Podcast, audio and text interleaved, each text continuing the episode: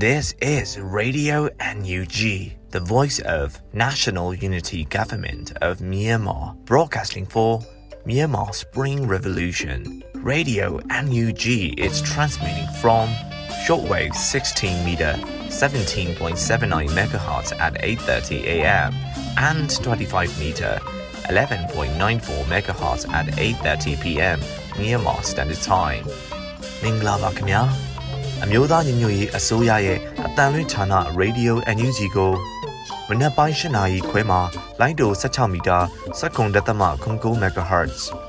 ညပိုင်း၈နာရီခွဲမှာလိုင်းတို25မီတာ17တက်သမ6 MHz တို့မှာဓာတ်ရိုက်ဖမ်းယူနိုင်နိုင်ပါပြီမင်္ဂလာအပေါင်းနဲ့ပြည့်စုံကြပါစေအခုချိန်ကစပြီး Radio NUG အစီအစဉ်တွေကိုဓာတ်ရိုက်အတန်လွှင့်ပေးနေပါပြီ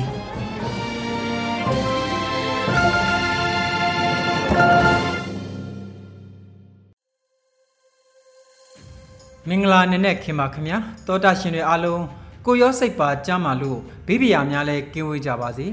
ရေဒီယိုအန်ယူဂျီရဲ့ဒီဇင်ဘာလ18ရက်မနက်ခင်းစီစဉ်တွေကိုထုတ်လွှင့်ဖို့အချိန်ကြာရောက်လာပါပြီကျွန်တော်ကတော့အစီအစဉ်ကြီးညာပေးမဲ့လွတ်လပ်နေဦးပါအခုချိန်ကစပြီးပြည်တွင်းသတင်းများကိုစောတဲလူနေကစတင်ဖတ်ကြားပေးပါမယ်ခင်ဗျာမင်္ဂလာပါအခုချိန်ရစပြီးမနက်ပိုင်းပြည်တွင်းသတင်းများကိုစတင်တင်ပြပေးပါတော့မယ် အမျိုးသားညီညွတ်ရေးဆိုရဂျားကာလဒေသန္တရပြည်သူ့အုပ်ချုပ်ရေးဖော်ဆောင်မှုဗဟိုကော်မတီနဲ့ပဲခူးတိုင်းပြည်သူ့အုပ်ချုပ်ရေးအဖွဲ့များတွဲဆုံခဲ့တဲ့သတင်းကိုပထမအဦးဆုံးအနေနဲ့တင်ပြပေးပါမယ်ဒီဇင်ဘာလ18ရက်အမျိုးသားညီညွတ်ရေးဆိုရဂျားကာလဒေသန္တရပြည်သူ့အုပ်ချုပ်ရေးဖော်ဆောင်မှုဗဟိုကော်မတီနဲ့ပဲခူးတိုင်းပြည်သူ့အုပ်ချုပ်ရေးအဖွဲ့ဝင်များတွဲဆုံဆွေးနွေးပွဲအစည်းအဝေး9မြင်းဆောင်2022ကိုကျင်းပခဲ့ပါတယ်အစည်းအဝေးတွင်ဂျားကာလဒေသန္တရပြည်သူ့အုပ်ချုပ်ရေးဖော်ဆောင်မှုဗဟိုကော်မတီအဖွဲ့ဝင် လူသားချင်းစာနာထောက်ထားရေးနှင့်ဘေးအန္တရာယ်ဆိုင်ရာစီမံခန့်ခွဲရေးဝန်ကြီးဌာနပြည်ထောင်စုဝန်ကြီးဒေါက်တာဝင်းမြတ်အေးမှအဖွင့်မှာစကားပြောကြားခဲ့ပါတယ်။ဆက်လက်၍ကာကွယ်ရေးဝန်ကြီးဌာန၏တာဝန်ရှိသူတအူမှဌာနနှင့်သက်ဆိုင်သည့်မူဝါဒဆိုင်ရာကိစ္စရပ်များပြည်သူ့ကာကွယ်ရေးအဖွဲ့ပကဖဖွဲ့စည်းပုံနှင့်လုပ်ငန်းလမ်းညွှန်များကိုရှင်းလင်းပြောကြားခဲ့ပြီးနောက်ပဲခူးတိုင်းပြည်သူ့အုပ်ချုပ်ရေးအဖွဲ့များမှမြေပြင်တွင်တွေ့ကြုံနေရသည့်အခက်အခဲများနှင့်မူဝါဒပိုင်းဆိုင်ရာသိရှိလိုသည့်များကိုအပြန်အလှန်ဆွေးနွေးခဲ့ကြပါသည်။ တွေ့ဆုံပွဲသို့ဂျာကာလဒေသန္တရပြည်သူ့အုပ်ချုပ်ရေးဖော်ဆောင်မှုဗဟိုကော်မတီဖွဲ့ဝင်များအမြဲတမ်းတွင်ဝင်များတွဲဘက်အတွင်းဝင်များနှင့်ဌာနဆိုင်ရာများမှတာဝန်ရှိသူများပဲခူးတိုင်းပြည်သူ့အုပ်ချုပ်ရေးအဖွဲ့များမှတက်ရောက်ခဲ့ကြကြောင်းတင်ပြရရှိပါရခင်ဗျာအခုဆက်လက်ပြီးလူတိုင်းရောက်တဲ့နေရာမှာကြာရတာဝန်ကိုအကောင်းဆုံးကျေပြွန်အောင်ထမ်းဆောင်မှာကຫນွေဦးတော်လိုင်းရေးမနိုင်စရာမရှိဘူးလို့လူခွင့်ရေးဆိုင်ရာဝန်ကြီးကဆိုလိုက်တဲ့သတင်းကိုတင်ပြပေးပါမယ်။ ဒီဇင်ဘာလအတွင်းမှာလူခွင့်ရေးဆိုင်ရာဝန်ကြီးဦးအောင်မျိုးမင်းက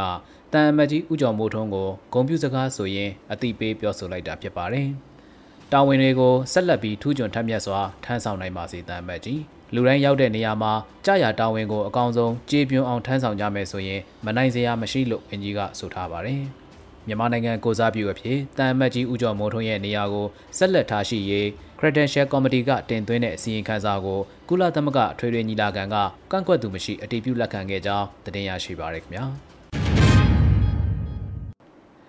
NUG ကိုအခွန်ဆောင်ပြီးတိုင်းဂုံပြူလွာကိုတလာတွင်းပြန်လည်ပေးပို့မဲ့သတင်းကိုဆက်လက်တင်ပြပေးပါမယ်။ဒီဇင်ဘာလအတွင်းမှာမြို့သားညီညွတ်ရေးဆိုရရဲ့ပြည်တွင်းခွန်များဦးစီးဌာနကအခုလိုအတည်ပြုထားပါတယ်။အခုဆိုရင် NUG ပေးနဲ့လုံခြုံလွယ်ကူစွာအခွန်ဆောင်လို့ရနေပြီမို့လစဉ်အခွန်ဆောင်ဖို့စူးစမ်းသူတွေများလာပါတယ်။ အကောင့်တစ်ကြိမ်ဆောင်တိုင်းပုံစံကာကြီးတစ်ကြိမ်ဖြစ်ပြီး application number အသစ်တစ်ခုယူဖို့လိုအပ်ပါတယ်။ငွေလဲတဲ့အခါအဲ့ဒီ application number ကို reference မှာထည့်သွင်းပေးရပါမယ်။ပြီးရင်အဲ့ဒီ application number ကိုသုံးပြီးပုံစံခဖြည့်သွင်းပေးရပါမယ်လို့ဖော်ပြထားပါတယ်။အဆိုပါငွေအဝင်နဲ့ပုံစံခမှ application number များကိုတိုက်ဆိုင်စစ်ဆေးပြီးလျင် Test Finance Team မှပုံစံခဖြည့်ထားသော email သို့ unique identification number ပါတဲ့ဂုဏ်ပြုလွှာကိုတလအတွင်းပြန်လည်ပေးပို့မှာဖြစ်ပါတယ်။ အခွန်တစ်ကြိမ်ဆောင်တိုင်း unique identification number ပါတဲ့ဂုဏ်ပြုလွှာတစ်ခုပြန်လည်ရရှိမှာဖြစ်ပါတယ်။အဲဒီဂုဏ်ပြုလွှာတွေကိုနောက်အခွန်အတွက်ပြန်လည်အသုံးပြုရန်အခွန်ဆောင်ထားတဲ့မှတ်တမ်းအဖြစ်တင်ဆက်ထားပေးရမှာဖြစ်ကြောင်းတင်ပြရရှိပါရခင်ဗျာ။ဆက်လက်ပြီးနဂပြူစစ်ကြောင်းကိုအမျိုးသမီးလူငယ်နှင့်ကလေးငယ်ရေးရာဝန်ကြီးဌာနဒုတိယဝန်ကြီးဒေါ်ဤတင်စာမောင်တွားရောက်တွေ့ဆုံတဲ့တဲ့တင်ကိုတင်ပြပေးပါမယ်။ ဒီဇင်ဘာလအတွင်းမှာစစ်ကြောင်းကိုဒုတိယဝန်ကြီးကတွားရောက်ခဲ့ပြီးအမျိုးသမီးရဲဘော်များကိုတွေ့ဆုံ၍နေဦးဒေါ်လာရေး၏82နှစ်တာစစ်ရေးခြေအနေများကိုအာသွန်ခွန်ဆိုင်ဖြင့်သက်ဆိုင်ရာစစ်ကြောင်းအလိုက်တာဝန်ရှိသူများနှင့်အတူ Federal Democracy ပန်းနိုင်သို့အတူတကွရင်ဆိုင်မိဖြစ်ကြောင်းအားပေးစကားပြောကြားခဲ့ပါသည်။ထို့အပြင်ဝန်ကြီးဒေါ်ဤတန်စာမောင်မှနဂပြူစစ်ကြောင်းအတွင်းတွင်လာရောက်ခိုးလုံနေသောအမျိုးသမီးများအားလက်ခံတွေ့ဆုံကကိုဝင်ဆောင်မျိုးသမီးတအူအားကျမ်းမာရေးအထွေထွေအသုံးစရိတ်အတွက်ငွေကျပ်9သိန်းထောက်ပံ့ကူညီခဲ့ပါသည်။ ဒုတိယဝန်ကြီးဒေါ်ဤတင်စာမောင်ဟာတပ်မဟာ6အတွင်းစစ်ကြောင်းများ၏မြေပြင်ရှေ့တန်းစခန်းနေရာများထိတွားရောက်တွေ့ဆုံဆွေးနွေးမှုများပြုလုပ်ခဲ့ကြောင်းတင်ရရှိပါရခင်ဗျာ။မင်းအောင်လှိုင်နဲ့အပေါင်းပါတစုဟာကဘာကြီးအတွက်အန်ဒီရရှိတဲ့အစွန်းရောက်အကြမ်းဖက်သမားတွေဖြစ်နေပြီလို့ဆိုလိုက်တဲ့သတင်းကိုတင်ပြပေးသွားပါမယ်။ဒီဇင်ဘာလအတွင်းတွေ့ဆုံမေးမြန်းခန်းတစ်ခုမှာ NUG အစိုးရရဲ့ပြောရေးဆိုခွင့်ရှိသူဦးနေပုံလက်ကအခုလိုပြောကြားခဲ့ပါတယ်။ ကဘာကြီးရဲ့လုံခြုံရေးနဲ့အန်ဒီရပြုတ်နိုင်မဲ့ကိစ္စတွေဆိုရင်သူတို့ကဝင်ပြီးတော့ဆောင်ရွက်တာတွေရှိတယ်။ဒီထဲမှာထဲသွင်းခြင်းအပြင်မင်းအောင်လှိုင်နဲ့အပေါင်းပါတစုဟာမြန်မာနိုင်ငံရဲ့ပြည်တွင်းရေးမဟုတ်တော့ဘူးမြန်မာနိုင်ငံသူနိုင်ငံသားတွေကိုသာလျှင်ထိခိုက်တဲ့ကိစ္စမဟုတ်တော့ပဲကျွန်တော်တို့ကဘာကြီးတွက်ပါအန်ဒီရရှိတဲ့ဆွမ်းရောက်အကြမ်းဖက်သမားတွေဖြစ်နေပြီပေါ့လို့ဆိုထားပါတယ်။ Burma Act ပါတယ် National Defense Authorization Act NDAA ဥပဒေမူကြမ်းကို2022ခုနှစ်ဒီဇင်ဘာလ9ရက်နေ့မှာ American အောက်လွှတ်တော်ကအတည်ပြုခဲ့ပြီး15ရက်နေ့မှာတော့ American အထက်လွှတ်တော်ကထပ်မံအတည်ပြုပေးခဲ့ပါတယ်။အတည်ပြုလိုက်တဲ့ NDA ရဲ့အစိပ်ပိုင်းဖြစ်တဲ့ Burma Act ကို American သမ္မတလက်မှတ်ရေးထိုးပြီးပါကဥပဒေဟာစတင်အသက်ဝင်မှာဖြစ်ပါတယ်။အကြံဖက်စေအုပ်စုဟာလူပေါင်း1000ကျော်ကိုဖမ်းဆီးချုပ်နှောင်ခဲ့ပြီးလူပေါင်း2000ကျော်ကိုဖမ်းဆီးတပ်ဖြတ်ခဲ့ကြောင်းတင်ရရှိပါရခင်ဗျာ။ အခုတကမြန်မာပြည်သူတွေဟာနောက်ဆုံးမှမိမိတို့ရဲ့မွေးရပါလွတ်လပ်ခွင့်လူခွင့်ရေးနဲ့ဒီမိုကရေစီကိုအသေးအချာပိုင်ဆိုင်နိုင်လိမ့်မယ်လို့အမေရိကန်တမ်မတ်ကြီး Thomas Elvida မှသတင်းစကားပါလိုက်တဲ့သတင်းကိုတင်ပြပေးသွားပါမယ်။ဒီဇင်ဘာ၁9မှာအမေရိကန်တန်ယုံရန်ကုန်ကအမေရိကန်တန်မတ်ကြီးရဲ့မြန်မာပြည်သူများထံသတင်းစကားကိုအခုလိုပဲဖော်ပြခဲ့ပါတယ်။ တရားမျှတမှုစီရောက်ဖို့အချိန်ကြာမြင့်တတ်ပေမယ့်စကြဝဠာကြီးကတရားမျှတမှုစီကိုပဲဥတီရွေ့ရှားနေပါတယ်လို့မာတင်လူသာကင်ဂျူနီယာကပြောခဲ့ပူပါတယ်အချိန်တွေတော့ပိုကြကောင်းကြပါလိမ့်မယ်ဒါပေမဲ့မြန်မာပြည်သူတွေဟာနောက်ဆုံးမှာတော့မိမိတို့ရဲ့ဝေးရပါလွတ်လပ်ခွင့်လူအခွင့်အရေးနဲ့ဒီမိုကရေစီကိုအသေးအချာပိုင်နိုင်နိုင်မယ်လို့ကျွန်တော်ယုံကြည်ပါတယ်ဒါဟာတင်တို့အမှန်တကယ်တောင်းဆိုနေတာဖြစ်ပြီးတင်တို့နဲ့ထိုက်တန်တဲ့အရာလည်းဖြစ်ပါတယ်လို့တန်အမတ်ကြီးကဆိုထားခဲ့ပါတယ်ဒါအပြင် သမရဦးဝင်းမြင့်နဲ့ဒီမိုကရေစီနီးကျရွေးကောက်တင်မြှောက်ထားတဲ့အစိုးရကို2021ဇန်နဝါရီ19မှာတန်အမတ်ခန့်အပ်လွှာကိုပေးအပ်နိုင်ခဲ့တာလဲဆုလက်ကြီးတစ်ခုလို့တန်အမတ်ကြီး Thomas Elvida ကဆိုထားကြောင်းတင်ရရှိပါရခင်ဗျာမန္တလေးမြို့ရှိအုပ်ချုပ်ရေးမှူးများအားဇန်နဝါရီလ15ရက်နေ့နောက်ဆုံးထား၍နှုတ်ထွက်ရန်တတိပေးလိုက်တဲ့သတင်းကိုတင်ပြပေးသွားပါမယ်။ ဒီဇင်ဘာလ18ရက်နေ့မှာ SDF မန္တလေးကအုပ်ချုပ်ရေးမှူးများနဲ့ပတ်သက်လို့အခုလိုတတိပေးစကားဆိုထားပါတယ်။မန္တလေးမြို့ရှိအုပ်ချုပ်ရေးမှူးများအား SDF မန္တလေးကတတိပေးထုတ်ပြန်လိုက်ပါတယ်။2022ခုနှစ်ဒီဇင်ဘာလ18ရက်မှာ2023ခုနှစ်ဇန်နဝါရီလ15ရက်နေ့အပြီးနှုတ်ထွက်စာတင်ရန်အထူးတတိပေးလိုက်ပါတယ်လို့ဖော်ပြထားပါတယ်။လိုက်နာခြင်းမရှိသောအုပ်ချုပ်ရေးမှူးများအား SDF မန္တလေးမှအရေးယူဆောင်ရွက်မယ်လို့ဆိုထားကြောင်းတင်ရရှိပါရခင်ဗျာ။ CDM စီရင်သောခလာရ269တိတိမ်မှရဲဘော်3ဦးပြည်သူဘက်သို့အလင်းဝင်လာတဲ့တဲ့တင်ကိုတင်ပြပေးသွားပါဦးမယ်။ဒီဇင်ဘာလ18ရက်နေ့မှာ CDM စီရင်ကစစ်ကောင်စီတပ်သား3ဦးအလင်းဝင်ခိုးလုံလာမှုကိုအခုလိုအသိပေးဖော်ပြထားခဲ့ပါတယ်။ CDF CDM စီရင်တို့ခလာရ269တိတိမ်မှာရဲဘော်3ဦးပြည်သူဘက်သို့အလင်းဝင်လာပါတယ်လို့ဆိုထားပါတယ်။အဆိုပါတပ်သား3ဦးဟာပြည်သူနဲ့အတူအာနာရှင်ကိုတော်လန်ကျင်လို့တပ်ထဲမှထွက်ခဲ့တာဖြစ်ပြီး တက်သေးရှိနေသေးသောပြည်သူကိုကာကွယ်ဖို့ဂရိသစ္စာဆိုထားတဲ့ကြံရဲဘော်များလည်းအမြန်ဆုံးပြည်သူနဲ့အတူပူးပေါင်းဖို့တိုက်တွန်းနှိုးဆော်ထားတယ်လို့သတင်းရရှိပါရခင်ဗျာဆက်လက်ပြီးရင်းမာပင်မြို့နယ်ပံပွေးရွာမှာစစ်ကောင်စီတပ်သားများပြည်သူနေအိမ်များကိုမီးရှို့ပြီးအပြန်တွင်မိုင်းနှွေးမိ၍10ဦးထပ်မံတိတ်ဆုံးခဲ့တဲ့တဲ့တင်ကိုတင်ပြပေးသွားပါမယ်။ ဒီဇင်ဘာလ18ရက်မနက်ပိုင်းမှာစစ်ကောင်စီတပ်များကိုရှစ်ထပ်မိုင်း9လုံးနဲ့တိုက်ခိုက်ခဲ့တယ်လို့ Infinite Revolution Force IRF ကအခုလိုအတည်ပြုဆိုထားပါတယ်။ စေအုပ်စုအခြေပြုထားရာဖြစ်သောဗန်ပွေးရွာပြူရွာမှာစစ်ကောင်စီတပ်သားများဟာ၎င်းတို့ပြူရွာနှစ်ဘေးရှိပြည်သူနေအိမ်များကိုမိရှို့ဖျက်ဆီးခဲ့ပြီးအပြန်တွင်ရှေ့ထွက်မိုင်း၅လုံးဖြင့် YMB ခရိုင်တရင်အမှတ်30နဲ့ GDF ခွဲ1 Infinite Revolution Force IRF YMB ခရိုင်တရင်အမှတ်20ခွန်တက်ခွဲ2နဲ့ဝင်းကဘာပျောက်ကြားတပ်ဖွဲ့တို့မှပူးပေါင်းတိုက်ခိုက်ခဲ့ပါတယ်လို့ဖော်ပြထားပါတယ်။စစ်ကောင်စီတပ်ဖက်မှလက်နက်ငယ်တစ်ချက်နှစ်ချက်သာပြန်ပစ်နိုင်ပြီးအ ਨੇ ဆုံး10ယောက်ထပ်မင်းတိတ်ဆုံးခဲ့တယ်လို့သတင်းရရှိပါရခင်ဗျာ ဖရူဆိုမြို့တောင်ဘက်ခြမ်းစစ်ကောင်စီအမှတ်14တန်းမြင့်စစ်ရေးလေ့ကျင့်ကြောင်း၏အထူးလုံခြုံရေးစခန်းကုန်ဖြစ်သောမာကရောရှိစခန်းကိုဝင်ရောက်တိုက်ခိုက်ခဲ့သဖြင့်စစ်ကောင်စီဘက်မှအ ਨੇ ဆုံး9ဦးသေဆုံးပြီးအများပြားဒဏ်ရာရရှိခဲ့တဲ့တဲ့ရင်ကိုတင်ပြပေးသွားပါမယ်။ဒီဇင်ဘာလ18ရက်နေ့မှာအဆိုပါစစ်ရေးတဲ့ရင်ကိုကရင်နီအာမီစင်တာ KNAC ကအခုလိုတည်ပေးဖော်ပြထားပါတယ်။ ဒီဇင်ဘာလအတွင်းကရင်နီတပ်မတော်ဦးစီးပြီးဖရူဆိုမြို့တောင်ဘက်ချမ်းစစ်ကောင်စီအမှတ်14တမ်းမြင့်စစ်ရေးလေ့ကျင့်ရေးကြောင်း၏အထူးလုံခြုံရေးစခန်းကုန်းဖြစ်သောမာခရောရှိတ်စခန်းကိုဝင်းရောက်တိုက်ခိုက်ခဲ့ပြီးစစ်ကောင်စီဘက်မှအ ਨੇ ဆုံး9ဦးသေဆုံး၍အများပြားထိခိုက်ဒဏ်ရာရရှိခဲ့တယ်လို့ဖော်ပြထားပါတယ်။၎င်းစစ်ရေးလေ့ကျင့်ရေးကြောင်းတိစောက်နိုင်ရေးအတွက်မာခရောရှိလော့ဂျာဒေါ်လာကူအစရှိသည့်ကြေးရွာများ၏ပြည်သူပိုင်းချမ်းမြေဧက2900ကျော်ကို2010ပြည့်နှစ်တွင်စတင်သိမ်းယူခဲ့ပါတယ်။ ဒါအပြင်စစ်လေ့ကျင့်ရေးအကြောင်းမှနိုင်စဉ်လက်နက်ကြီးများထူပြီးဒေသခံအချို့ထိခိုက်မှုများရှိသည့်အပြင်တောင်ယာများသို့တွားရောက်လောက်ကင်စားတောက်ရန်ခက်ခဲများရှိနေကြောင်းသတင်းရရှိပါရခင်ဗျာအခုတင်ပြပေးခဲ့တဲ့သတင်းတွေကိုတော့ Radio NUG သတင်းတောက်မင်းမင်းကပေးပို့ထားတာပဲဖြစ်ပါတယ်ကျွန်တော်စောတဲလူနေပါ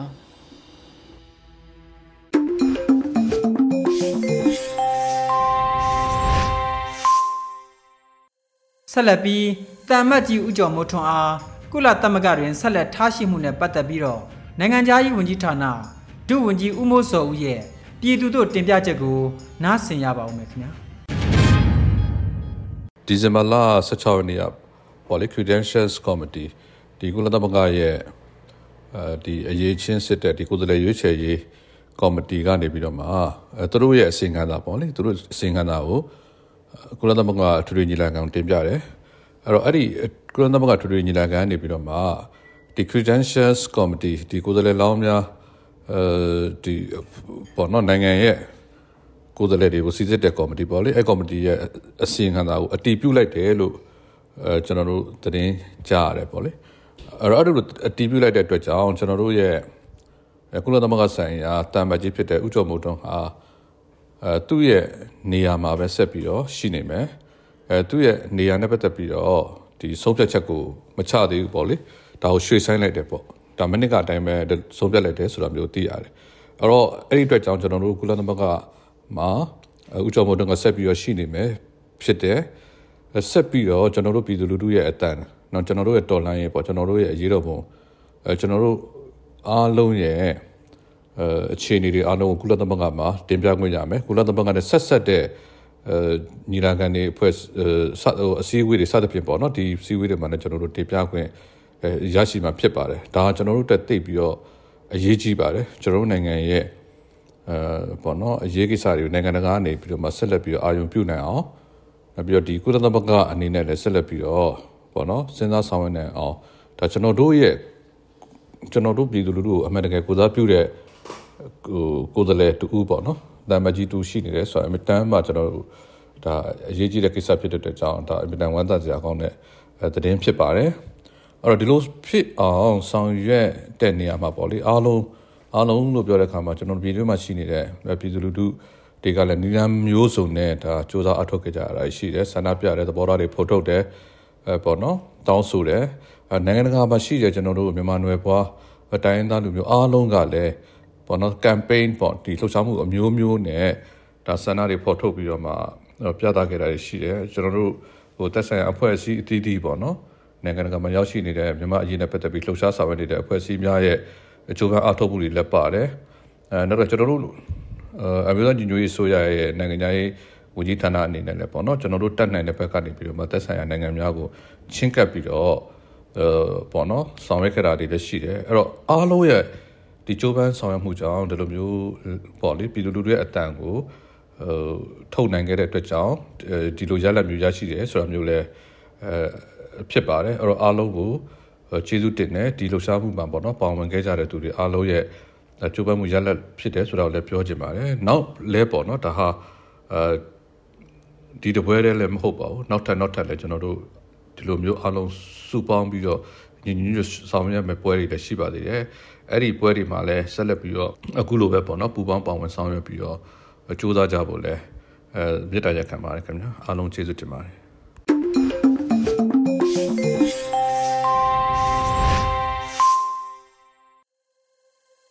ရေဒီယို UNG မှမနက်ခင်းစီစဉ်တွေကိုဆက်လက်ထုတ်လွှင့်ပေးနေပါတယ်။အခုတခါမှာတော့ပြည်သူခုခံစစ်သတင်းတွေကိုကျော်ຫນွေဦးကဖတ်ကြားပါတော့မယ်ခင်ဗျာ။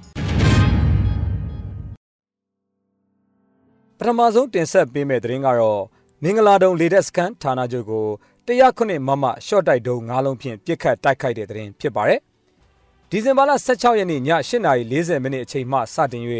မင်္ဂလာတုံလေတက်စကန်ဌာနချုပ်ကိုတရားခုနှစ်မမရှော့တိုက်တုံး၅လုံးဖြင့်ပြစ်ခတ်တိုက်ခိုက်ရာပောက်ကွဲတံ၃ချက်အလွန်ကျယ်လောင်စွာကြားရကြောင်းပောက်ကွဲမှုဖြစ်တဲ့အချိန်မှာအလင်းရောင်တွေတောင်ဖြာထွက်သွားပြီး လေရင်ကွင်းဘေးကအိမ်တွေကိုခဲတွေခေါမိုးပေါ်မိုးရွာကျသလိုကျလာကြောင်းဒေသခံပြည်သူများထံကနေသိရပါဗျ။ရှော့တိုက်တုံးတရားခုနှစ်မမ၅လုံးတပြိုင်နက်တည်းပြစ်ခတ်ခဲ့ခြင်းဖြစ်ပြီးရှော့တိုက်တုံး၅လုံးတပြိုင်နက်တည်းကြားရောက်ခြင်းဖြစ်ကြောင်းပောက်ကွဲတံ၃ချက်ကြားရပေမဲ့ငါးလုံးစလုံးတပြိုင်နက်တည်းပောက်ကွဲခြင်းဖြစ်ကြောင်းရန်ကုန်မြို့ပြ UG တာဝန်ရှိသူကပြောပါတယ်။ပောက်ကွဲမှုဖြစ်ပွားပြီးတဲ့နောက်စေယုံကားများဇက်တိုက်ဆိုသလိုလေဒါစကန်ဌာနချုပ်ထဲသို့ဝင်ရောက်သွားကြောင်း မင်္ဂလာတုံလေဒါစကန်နဲ့လေစိတ်ဘက်မှစစ်ကောင်စီဘက်ကစစ်ကားရဲကားများအလုံးအင်းဖြင့်ရှာဖွေစစ်ဆေးမှုများလှုပ်ဆောင်ခဲ့ကြောင်းဒေသခံများထံမှသိရှိရပါတယ်။ဒုတိယသတင်းတစ်ပုဒ်အနေနဲ့နမ်ဆန်တိုက်ပွဲမှာစစ်ကောင်စီတပ်သားအများအပြားထိခိုက်ဒေဆုံးတဲ့သတင်းဖြစ်ပါတယ်။ရှမ်းပြည်နယ်နမ်ဆန်မြို့နယ်ကုန်းသာကျေးရွာနီးမှာဒီဇင်ဘာလ9ရက်နေ့မှဒီဇင်ဘာလ12ရက်နေ့အထိဖြစ်ပွားခဲ့တဲ့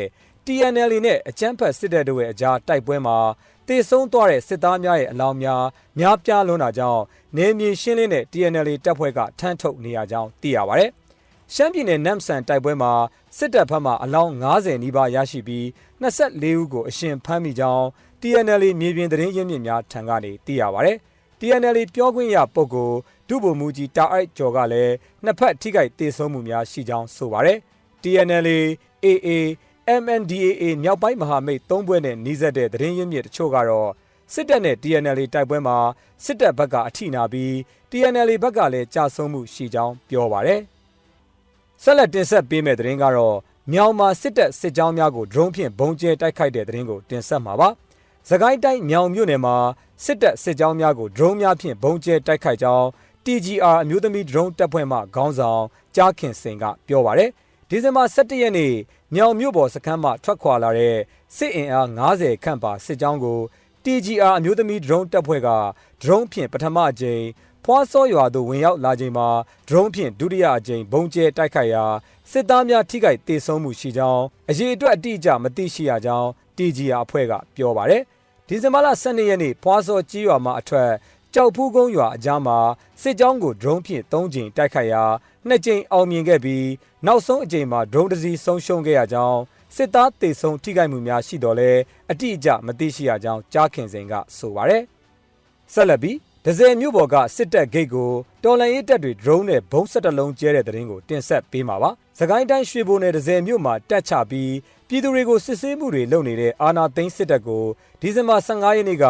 drone နဲ့ဘုံစက်တလုံးကျဲပြီးတိုက်ခိုက်ခဲ့တယ်လို့ Spring Special Task Force MRDA ခွဲ KU တပ်ဖွဲ့ကသတင်းထုတ်ပြန်ဖော်ပြပါရယ်။ဒဇယ်မြို့စေးရုံကြီးရှိဒဇယ်တုတ်တလုံးနဲ့ဒဇယ်ကာဘိုးလန်းကွဇုံမှာအထိုင်ချပြီးစစ်ဆေးမှုတွေလုပ်နေတဲ့စစ်တပ်နဲ့ပြူစောထီဂိတ်ကိုဒီဇင်ဘာ15ရက်နေ့မနက်မှာ drone နဲ့ဘုံစက်တလုံးကျဲခဲ့တာလို့သိရပါရယ်။ဘုံကျဲမှုကြောင့်စစ်ကောင်စီတပ်သားနဲ့ပြူစောတိ12ယောက်ထိခိုက်ဒဏ်ရာရပြီးအသေးအပြောက်ရှိနိုင်တယ်လို့ Spring Special Task Force MRDA ခွဲ KU တပ်ဖွဲ့ကသတင်းထုတ်ပြန်ထားပါတယ်။ နောက်ဆုံးအနေနဲ့တောင်ငူမြို့အဝင်စစ်ဆေးရေးဂိတ်ကို PDF ကမိုင်းဖောက်ခွဲတိုက်ခိုက်တဲ့သတင်းတင်ဆက်ပါမယ်။ရန်ကုန်မန္တလေးလမ်းဟောင်းပေါ်ရှိတောင်ငူမြို့အဝင်စစ်ဆေးရေးဂိတ်ကို Tiger 1 PDF တပ်ဖွဲ့ကဒီဇင်ဘာလ14ရက်နနက်9:10မိနစ်အချိန်ခန့်မှာမိုင်းဖောက်ခွဲတိုက်ခိုက်ခဲ့ပါတယ်။အဆိုပါစစ်စေးဂိတ်ရှိစစ်ကောင်စီတပ်များနဲ့ရဲများဟာခီးသွွားပြည်သူများကိုအနိုင်ကျင့်ဗိုလ်ချခြင်းစိုက်ကယ်များနဲ့ကားများကိုတားကာ မတရားငွေကြေးတောင်းယူခြင်းနဲ့ဖမ်းဆီးခြင်းများကိုပြုလုပ်နေတဲ့အတွက်ဖောက်ခွဲတိုက်ခိုက်ခဲ့ခြင်းဖြစ်တယ်လို့ Tiger 1တပ်ဖွဲ့တာဝန်ရှိသူကဆိုပါတယ်။စစ်သားနဲ့ရဲတွေ barricade ချပြီးမတရားပိုက်ဆံတောင်းနေတဲ့ဂိတ်နေရာမှာညဘက်မိုင်းအကြီးမြုပ်ပြီးမနက်ပိုင်းလာစစ်တဲ့အချိန်မှာအဝေးထိန်းစနစ်နဲ့ဖောက်ခွဲတိုက်ခိုက်ခဲ့ခြင်းဖြစ်ပြီးရဲအရာရှိတယောက်နဲ့ရဲတပ်သားတယောက်တေဆုံးကရင်တင်းရဲတယောက်ခြေထောက်ဖြတ်လိုက်ရကြောင်းဆိုပါတယ်။ အဲ့ဒီလိုတည်ဆုံးခဲ့တဲ့သတင်းကိုစစ်ကောင်စီတပ်များနဲ့ရဲများကသတင်းဖုံးထားကြတယ်လို့ Tiger 1 PDF တပ်ဖွဲ့တာဝန်ရှိသူစောမူခကပြောပါရခင်ဗျာ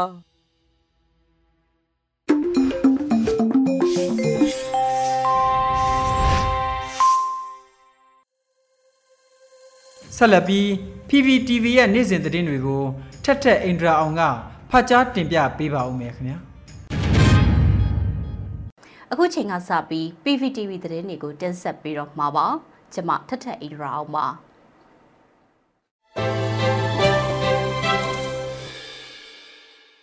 ပထမဆုံးတင်ဆက်ပေးရှင်တာကတော့ဂျာကာလာဒေသန္တရပြည်သူ့အုပ်ချုပ်ရေးဖော်ဆောင်မှုဘဟုကော်မတီနဲ့တိုးချက်ပြည်သူ့အုပ်ချုပ်ရေးအဖွဲ့များတွဲဆုံဆွေးနွေးခဲ့တဲ့ဆိုတဲ့သတင်းမှာ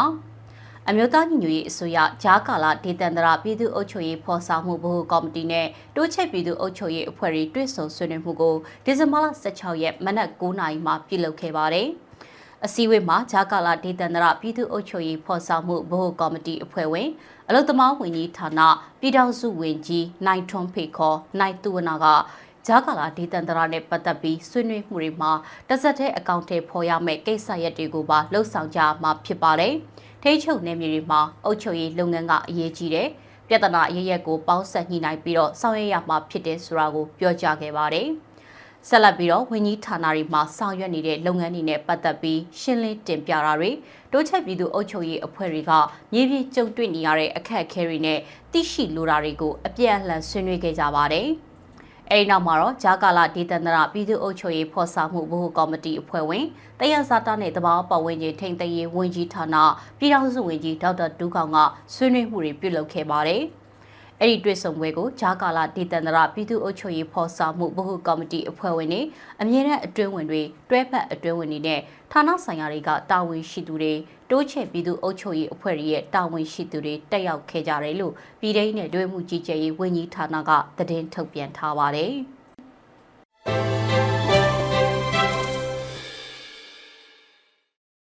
ဆလတ်တင်ဆက်ပေးခြင်းတဲ့သတင်းကတော့ကျန်းဖတ်စစ်ကောင်စီကိုနိုင်ငံတကာရာဇဝတ်ခုံရုံးမှချက်ချင်းအရေးယူဖို့မြန်မာနိုင်ငံဆိုင်ရာအထူးအကြံပေးကောင်စီထုတ်ပြန်လိုက်တဲ့သတင်းမှာ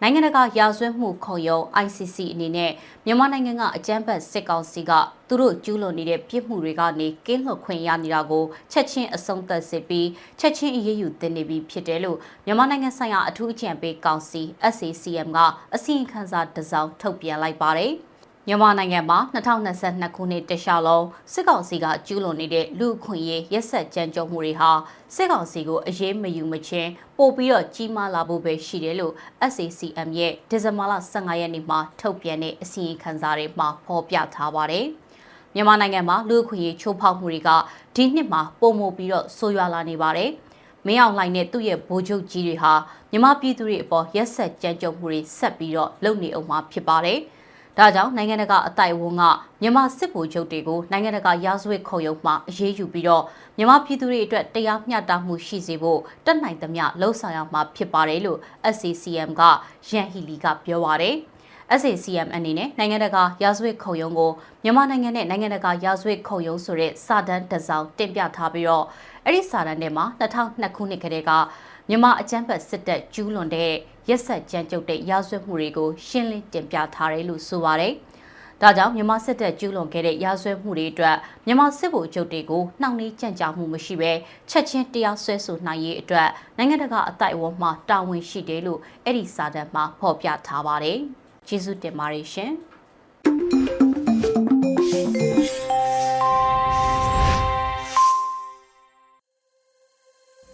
ရေဒီယို UNG ရဲ့မနက်ခင်းထုတ်လွှင့်မှုအစီအစဉ်တွေကိုနားဆင်နေကြရတာပါအခုအလှည့်ကျလာတဲ့တိုင်းသားအစီအစဉ်မှာဂျိုးချင်းမွန်ဘာသာစကားနဲ့သတင်းထုတ်လွှင့်မှုတွေကိုတင်ပြပေးပါမယ်ဒီအစီအစဉ်ကိုရေဒီယို UNG နဲ့ဂျိုးချင်းဘာသာစကားထုတ်လွှင့်မှုအဖွဲ့တို့ကပူးပေါင်းတင်ဆက်တာဖြစ်ပါတယ်ခင်ဗျာချိုရီဒီယိုနမငိုင်ကနပဖိနက်တူနမရိုင်နော တုံဝဲခုကုမ်ဖရမ်ကူလမ်ကူလီရီဒီဇင်ဘာတိချာရှလက်ခရင်ဟုမြမခုကရုံလာခုပုန်ကန်ထူရီမိငိုင်ဘခါနီတုံဝဲမိငိုင်ဘန်ထူရီလေကျူမင်တမောင်ရောယုံ CTF မင်တလာအန်ခရစီငကာနာအမနဲ့အန်ခရစီဒန်ကာစကီဂျီယာ CTF မင်တနောပနန်ထူဘတ်ဖြစ်ဝဲပုခ တ်တယ်ဒီအလောင်းမျိုးဆိုတော့ဒီပြန်လို့ဒီပြန်လာတော့မြင်ရတယ်ကျူတယာအန်ဟိဘနာလီယူကမ်ပလေမောင်ရောယုံအန်ခရစီဒန်ကနော akhukup krukip thlenkia ashir angbai phi se don akana omgijia CDF complete tong kano oprenang thupi mingai khani နည်းနည်းဒီမှာမပေါ်တော့တာ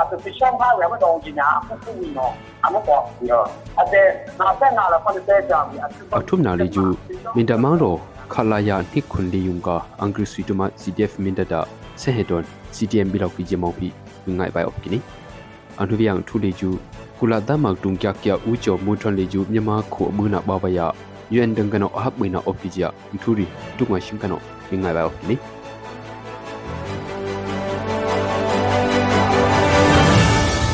Angrisi Councila CDF minta ra kang bum le chu Bribrika December likha shalik thum ko oitanga aningka na omgi ja CDF minta no prit kini minta mang rong hi kya tang mak mhala phaluk mayung Angrisi mkul hok lok kia amingka na kya ki ja CDF minta tang kano prit kini ဟိုကလည်းအပငါးပိုင်းတော့မှရှိတယ်အမိကတိုက်ပွဲမှာတော့တော့ပြင်ပုံတိုင်ရတယ်ပြင်ထန်တိုင်ရလက်လက်ကြီးနဲ့ဖြစ်တယ်ပေါ့ကွာအောင်မြင်သွားတိုက်ပွဲဖြစ်တယ်ဝင်ရောက်ပြခတ်တယ်သူအလောင်းကြီးဆိုတော့ဒီပြည်နယ်ရဲ့ဒင်းပလာတော့မြင်ရတယ်ပေါ့နော်နောက်ဆိုတော့အချိန်မှာသူတို့ဘောရွာရောအငင်းထားရတဲ့သူတို့လက်လက်ကြီးနဲ့တောက်ချော့ဖြစ်တယ်ပေါ့နော်အရ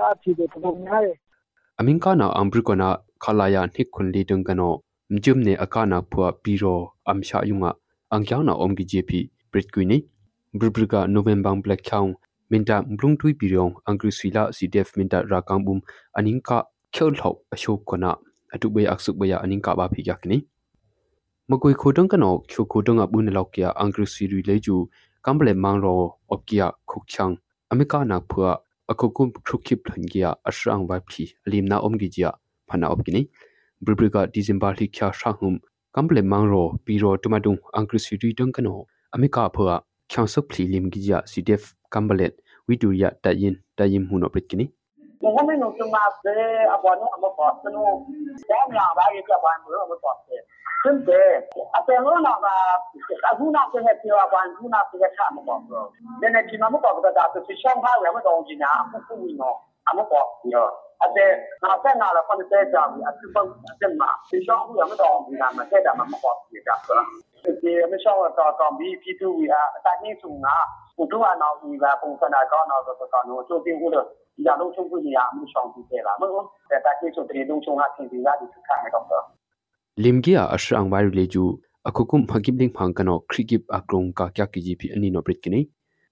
မင်ဒမောင်ရောခလာယာနိခွန်လီယံကအင်္ဂရိစီ krigip akrong ka kya kgp ani no brit kini mindamang ro khala ya ni khunling ka angrisi myote pain leju december thikya shalik trung hum sehet carrion cdm bilok kgia cdf mintano brit kini anya dang leju me1 sehet tumat khenglung krukip ling phala aheri alopi omgi gp cdf minta tangkan leju brit kini cdm bilok kya angrisi myote pain leju CTM bilok kuri pedamoyangwi pekhari GP CDF mintan leju brikini tamak tung kya kya ucho muthon leju myama khu kanane ahang di bawaya khokum ut amhap boina omgi jia credential committee tangkano ahap boina leju NUG ya thung shona ka PVTV no arukna opkini December li kya shale rong hum ambia United Nations aming rena kung credential committee tangkano myama khu khyang yang thungai na baya tama ucho muthon leju hab wei ba gp american of kini united nation credential committee leju american russia